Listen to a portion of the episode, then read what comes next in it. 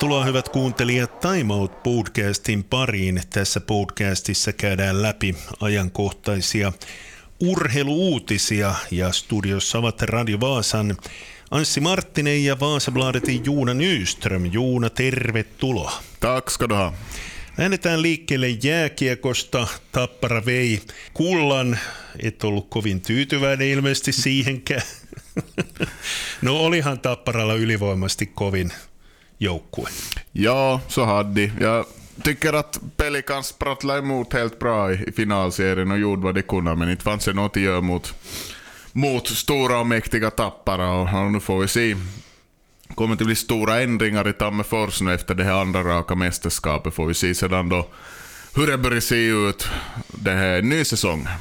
Joo, mielenkiintoista on se, että aika paljon on jo lähtiöitä Tommi Tikka siirtyy Ilveksestä Ruotsiin ja Niko Ojamäki taisi siirtyä Tapparasta muualle ja siitä oli itse asiassa kirjoituskin siitä, että mikä on, että liiga ei kiehdo. Onko se niin, että Sveitsi ja Ruotsi edelleen on niin paljon rahakkaampia sarjoja? Det finns mer pengar till erbjud, det finns en, en större, bredare, mer intensiv supporterkultur kring de här serierna som också lockar spelare. Inte är det någon överraskning att det blir mycket övergångar och, och jätteintressant att se till exempel med Tommy Tikka som ju slog igenom i sport som ska ut till, till utlandet och spela till HV som, som satsar nu lyckades hålla sig kvar i SHL efter att de hade studsat upp tillbaka och nu satsar de ganska hårt där och jag tycker jag såg med att Henrik Borgström också skulle ha skrivit på. Och, men nu var för HV också, han som har inte riktigt lyckades borta i NHL efter att han spelade i HFK. Täytyy sanoa, että siinä sitten vertaatiin halleja, että, että, että esimerkiksi Tampereen halli on varmasti ehkä Euroopan hienoin halli, että sitten mennään tiettyihin latoihin, mutta niin kuin sanoit, niin kyllä varmasti Sveitsissä ja Ruotsissa tuo kannattajakulttuuri on aivan eri tasolla kuin Suomessa, vaikka Ilveksellä mun mielestä on kyllä Suomen yksi parhaimpia kannattajakulttuureita. Ilves har bra, här i Vasa vet vi att vi har bra, då är bra drag i så är det riktigt bra drag i så att men det finns inte riktigt samma bredden och, och kanske inte riktigt det här heller att man supportar sitt lag så mycket i bortamatcher och så vidare, vilket kanske är lite vanligare i de utländska serierna. Och, och, och sen är det förstås en spelmässig grej, att det är en annorlunda ishockey i SHL, det är en annorlunda ishockey i NLA borta i Schweiz. Och kanske vi har det lite mer fortsättningsvis, som det nu har varit, varit tal i flera år, att i Finland är det lite mer defensivt, taktiskt, lite mer så det låst, medan det är full fart framåt i de andra serierna. Det kan ju också locka spelare att fara och spela en helt annan typ av hockey helt enkelt. Kuinka paljon on tullut katsottua teksti-TVn sivua 235 viime päivinä? Jag brukar faktiskt göra så att jag, jag kollar det och så kollar jag också ganska mycket höjdpunkter från de här matcherna för de laddar upp dem så fort på, på nätet nu för tiden. Så ganska bra pejl har man nog på, på vad som händer i NHL. Joo, NHL on nyt jännitetty ja mä oon jännittänyt oikeastaan sen takia, että miten noi menee noi ottelut ja siellähän oli suuria yllätyksiä muun muassa se, että Boston putos, Boston joka oli erinomainen runkosarjassa, runkosarja ykkönen ja esimerkiksi äh, Florida, joka sitten pudotti Bostonin, niin oli, oli pisteero aivan valtava, mutta sehän on suola, että näitä yllätyksiä tulee. Tietysti meidän äh, Suomen maajoukkueen kannalta se oli pikkusen huonompi homma. Tosin Alexander Barkov tuskin tulee vaikka kuinka käy, koska hän on ollut ilmeisesti tosi huonossa kunnossa. Aika erikoista, että taisi olla jopa valmentaja, joka meni sanoa suoraan, että, että Barkov on heikossa hapessa. Ja, nu tycker man tidigare skulle ha fått lite signaler om att det skulle nog finnas ett intresse för Barkov att komma till hemstaden och spela spel VM. Och sen är det ju förstås så det att har han varit riktigt dåligt i fysiskt skick eller bara att det är formen som har varit dålig. Han har ju inte producerat så mycket i den här serien mot Boston. Å andra sidan så har ju andra spelare kunnat kliva fram då istället och är framförallt Matthew Kachak där som har varit stora ledstjärnan. Men Florida tre finländare då är Barkov och så är Anton Lundell, Eetu Luostarinen så fortsätter medan Boston hade ju ingen finländare i laget så Joo, ja, ni, niit lott. mm, ja Barkovin lisäksi tosiaan Lundell ja Luostarinen on pela- pelannut erinomaisen kauden. Molemmat taitaa olla siellä 50 tehopisteen miehiä, mutta onhan meillä sitten mies, joka on tehnyt yli 100 tehopistettä ja putosi, eli Mikko Rantanen. Arturi Lehkonen myös putosi ja hänkin on ollut erittäin hyvä NHLssä. Kuinka tärkeää olisi saada molemmat herrat joukkueeseen ja tuleeko molemmat? Och till att börja med så är det ju otroligt att det är Seattle Kraken, nya NHL-klubben, som sänker mästarna då. Uh, det har varit mycket snack om att det ha varit en massa skadeproblem i Colorado, att ledande spelare har spelat genom skador och är som oklart då att gäller det här till exempel då just Rantanen och Lehkonen. Niin, Lehkosellahan taisi olla joku sormivamma, joka sitten ihan runkosarjan lopussa tuli ja taisi olla niin, että se pistettiin kuntoon ja on sitten pelannut näitä playereita osittain varmaan loukkaantuneena. Ja, no är just sådana skador som man kan i, i viss mån. Att beror lite på, till exempel Teo Teräväinen fick ju smällen på handleden och då, då går inte till spel. Han fick kasta in handduken i den första omgången mot New York Islanders då för Carolina, men just då är fortsättningsvis ett hemma-VM och spelarna är medvetna om vilken karneval det blir, så det så höjer det ju nog intresse att nu är det mer intressant nu än så att säga ett vanligt VM någon annanstans till komma och spela. Och, och kanske just också på grund av att det blev en sån enorm besvikelse som avslutning på säsongen, så här kan sporra sån här spelare att ja, men, nej, fa, vi ska nog fara och spela det här VM ännu, att få en positiv och bra, rolig avslutning på säsongen. Niin, Suomi saa varmaan jalkeille erittäin hyvän joukkueen ilman NHL-pelaajakin. NHLstä on Olli Määttä, Kasperi Kapani ja valitettavasti nyt Patrick Laineen pelaaminen MM-kisoissa on hyvin, hyvin epävarmaa. Hän ei ainakaan tsekkeihin lähtenyt turnaukseen. Ja, är lite intressant nu att, att man tycker ju att no, till exempel Kasperi Kapanen då som skulle anpassa sig så var ju ändå med i laget. Men han får nu inte med nu då Patrik Laine och, och då beror det förstås på, det handlar ju inte om bara vad han själv tycker utan det handlar ju om vad Columbus Blue Jackets tycker och det finns många, många som ska konsulteras här för det, för det blir klart om man kan spela eller inte. Men jag tror ju också nu när vi snackar hemma-VM och vi snackar en spelare som är från Tammerfors, att viljan nog är ganska stor och Columbus var ju ett av NHLs svagaste lag den här säsongen, så just där också hade viljan till att göra någonting bra till avslutsäsongen med, så tror jag är ganska stor. Men jag ställer mig oerhört tveksam till att han är med eftersom han missar även de sista matcherna. Niin, kisat järjestetään poikkeuksellisen myöhään. Uskotko, että Jukka Jalonen ja kumppanit jättää niin sanotusti tyhjiä paikkoja näille supertähdille? Det brukar ju höra till att man har en, två platser lediga, men då, då är det ju nästan så att det ska finnas en överenskommelse från förr då, att ja men att om vi trillar ur så kommer jag nog, och, och sånt avslöjas ju aldrig, fast det finns, fast man har lansat sånt, så att vi får ju se. Men just som du sa så är börjar se bra ut, det börjar se starkt ut det här laget, och det börjar se ut som ett Jukka Jalonen-lag, att nu då Schweiz blev klart, Sverige blev klart med sina slutspel, så då kommer det såna riktigt typiska Jukka Jalonen-spelare som Toni Rajala, Jere Sallinen, Teemu Hartikainen, Mika Koivisto, som alltid är med då Jukka Jalonen ska ha ett lag till VM, så att som det ser ut just nu, som laget ser ut, så är det jätte, jätte, jättestarkt redan. Att det är bra försvar, det är bra målvakter, det är bra anfall, det finns allt som behövs för att vinna ett VM-guld, så det som lämnar nu, eller det som kommer till, är nog bara bonus. Att det räcker gott och väl tycker jag. Ja oot sitä mieltä, että puolustuskin on tarpeeksi hyvä. Jag tycker nog att du har just som vi talar om Mika Koivisto, vi har in nu FM-ligans allra bästa backar där, Valtteri Kemiläinen, Mikael Seppälä som är grymt bra backar, så kanske då att han det offensiva, krea, kreativa backen, han det blue line, liksom powerplay-backen, inte riktigt just nu Miro Heiskanen. klivit fram. Miro Heiskanen skulle vara, men jag tror Dallas kommer att gå riktigt långt, de ser vass ut.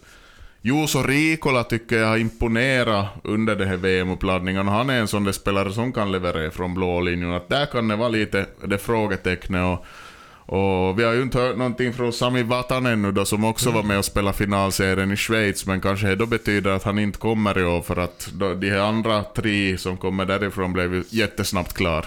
Time Out Podcast käynnissä. Studiossa ovat eh, Radio Vaasan Anssi Marttinen ja Vaasabladetin Juuna Nyström.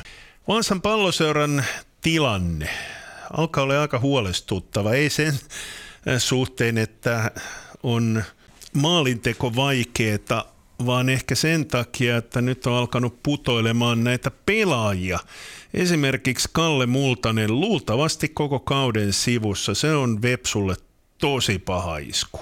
Överlägset bästa målskytt i laget för säsongen, en av ligans bästa målskyttar för säsongen och nu blev en kort, kort ligasäsong för Kalle Multanen. det var ju kanske 120% klart att hela säsongen får, men förmodligen är det så nu. Och, är lika bra om det kommer en världskada så onödigt att börja stressa någonting. Men Multanen verkar ju själv åtminstone det är väldigt taggad och motiverad på att han ska tillbaka på fotbollsplanen. Och sen så är det ju inte bekräftat, men enligt vad jag nu har hört snacket kring VPS så skulle samma, vara lite samma läge för Riku Jäske. Att han kan vara bort väldigt, väldigt länge och i värsta fall säsongen ut. Att han har också åkt på någon form av skada. Det är jättesynd att där Multanen var ledstjärnan i anfallet för säsongen tillsammans med Tete Gängi då så är ju Jäska den här som har jobbat sig upp hela tiden och jag tycker han har kommit närmare och närmare till bli en så att säga etablerad ligaspelare. Och det är ju alltid fint då det kommer en kille ur egna led så att säga, en Vasa-kille som som gör den här resan upp och vi får se nu då sen om det informeras om det här läget eller hur det blir men, men det ser ju riktigt bra ut just nu. Niin, neljä liigaottelua HJKlle nuo tappiot, ne nyt ei ollut ehkä sellaisia, mistä odotettiinkaan pisteitä. Honka yksi piste, Lahti, sieltä ehkä odotettiin enemmän kuin yksi piste. Nyt tämä seuraava peli, Mariaham, niin se on vähän niin kuin pakkovoiton paikka. Absolut. Jag tycker ändå som vi har pratat så skulle lika bra kunna bli poäng mot HIK hemma.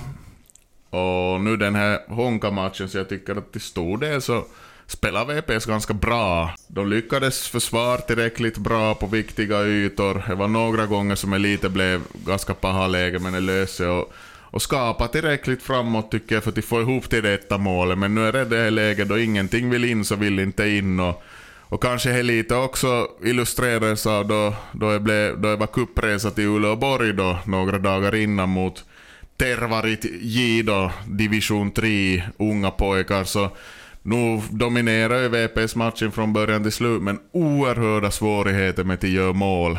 Och fast det var lite annat folk på planen och sådana, men på något vis då är det ju det klassiskapina Celessa-upplägget som man brukar tala om, att då det är svårt så är det svårt.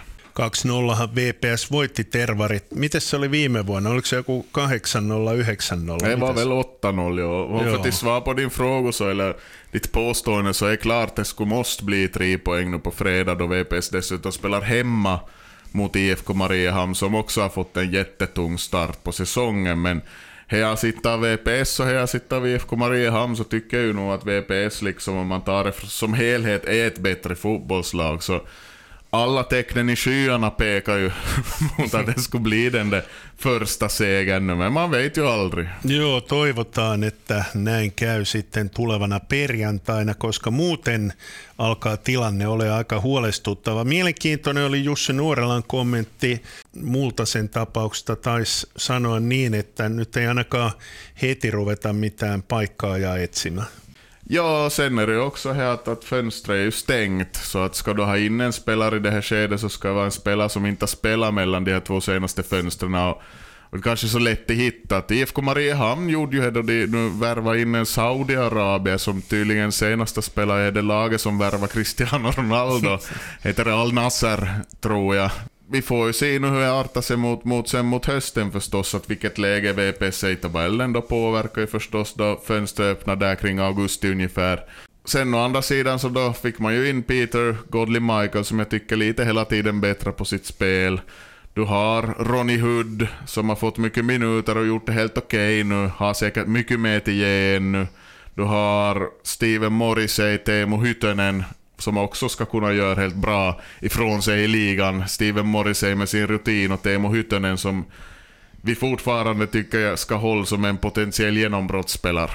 Siirrytään sitten vielä muihin sarjoihin ja puhutaan esimerkiksi ykkösestä, jossa Pohjanmaan joukkueella ei nyt ihan kulje niin hyvin kuin pitäisi. Jaro kolme ottelua, yksi piste, KPV kolme peliä, kaksi pistettä. KPV vielä pudotti sitten Jaron Suomen kapista ja tuossa lueskelin Jaron Instasta, niin kyllä siellä oltiin jo valmentajaa pistämässä pihalle, mutta ehkä nyt ei ihan vielä kolmen ottelun jälkeen.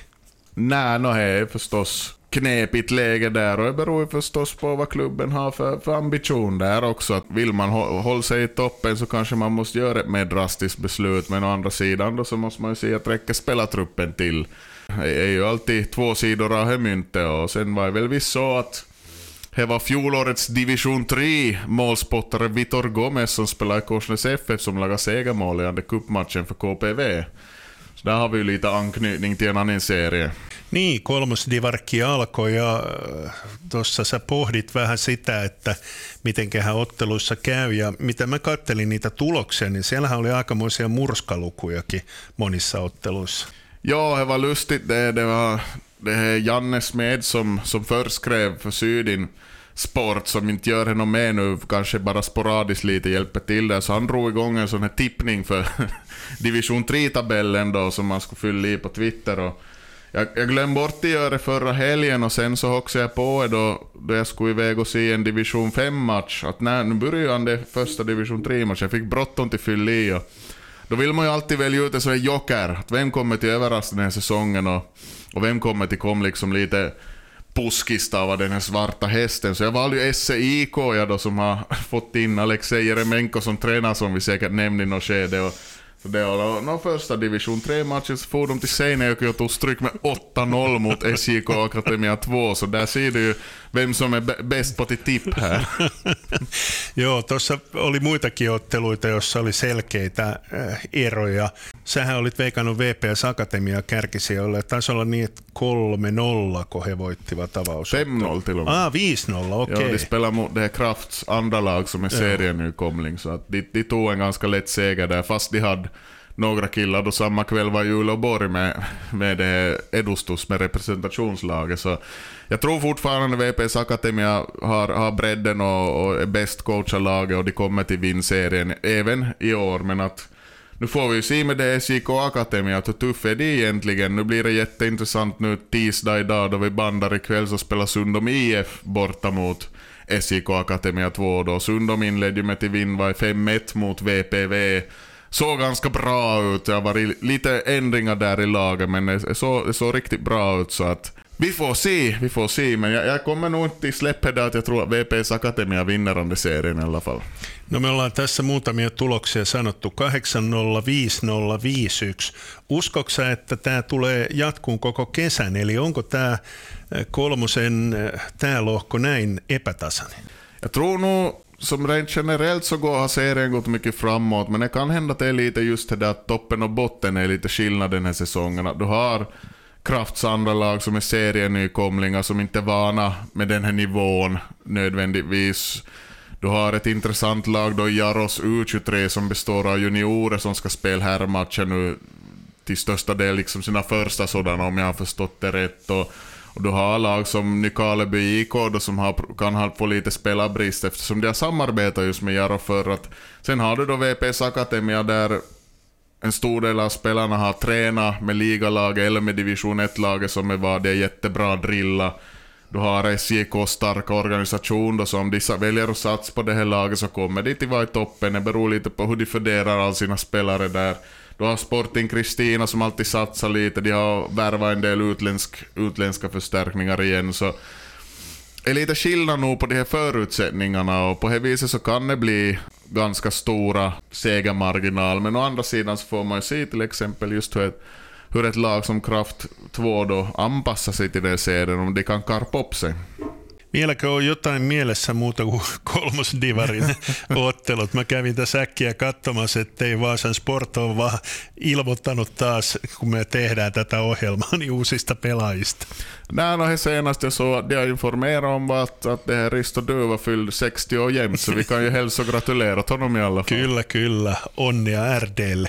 Tässä tämänkertainen Time Out Podcast. Studiossa ovat olleet Radio Vaasa Anssi Marttinen ja Vaasa Bladetin Juuna Nyström. Juuna, kiitoksia. Tack, tack.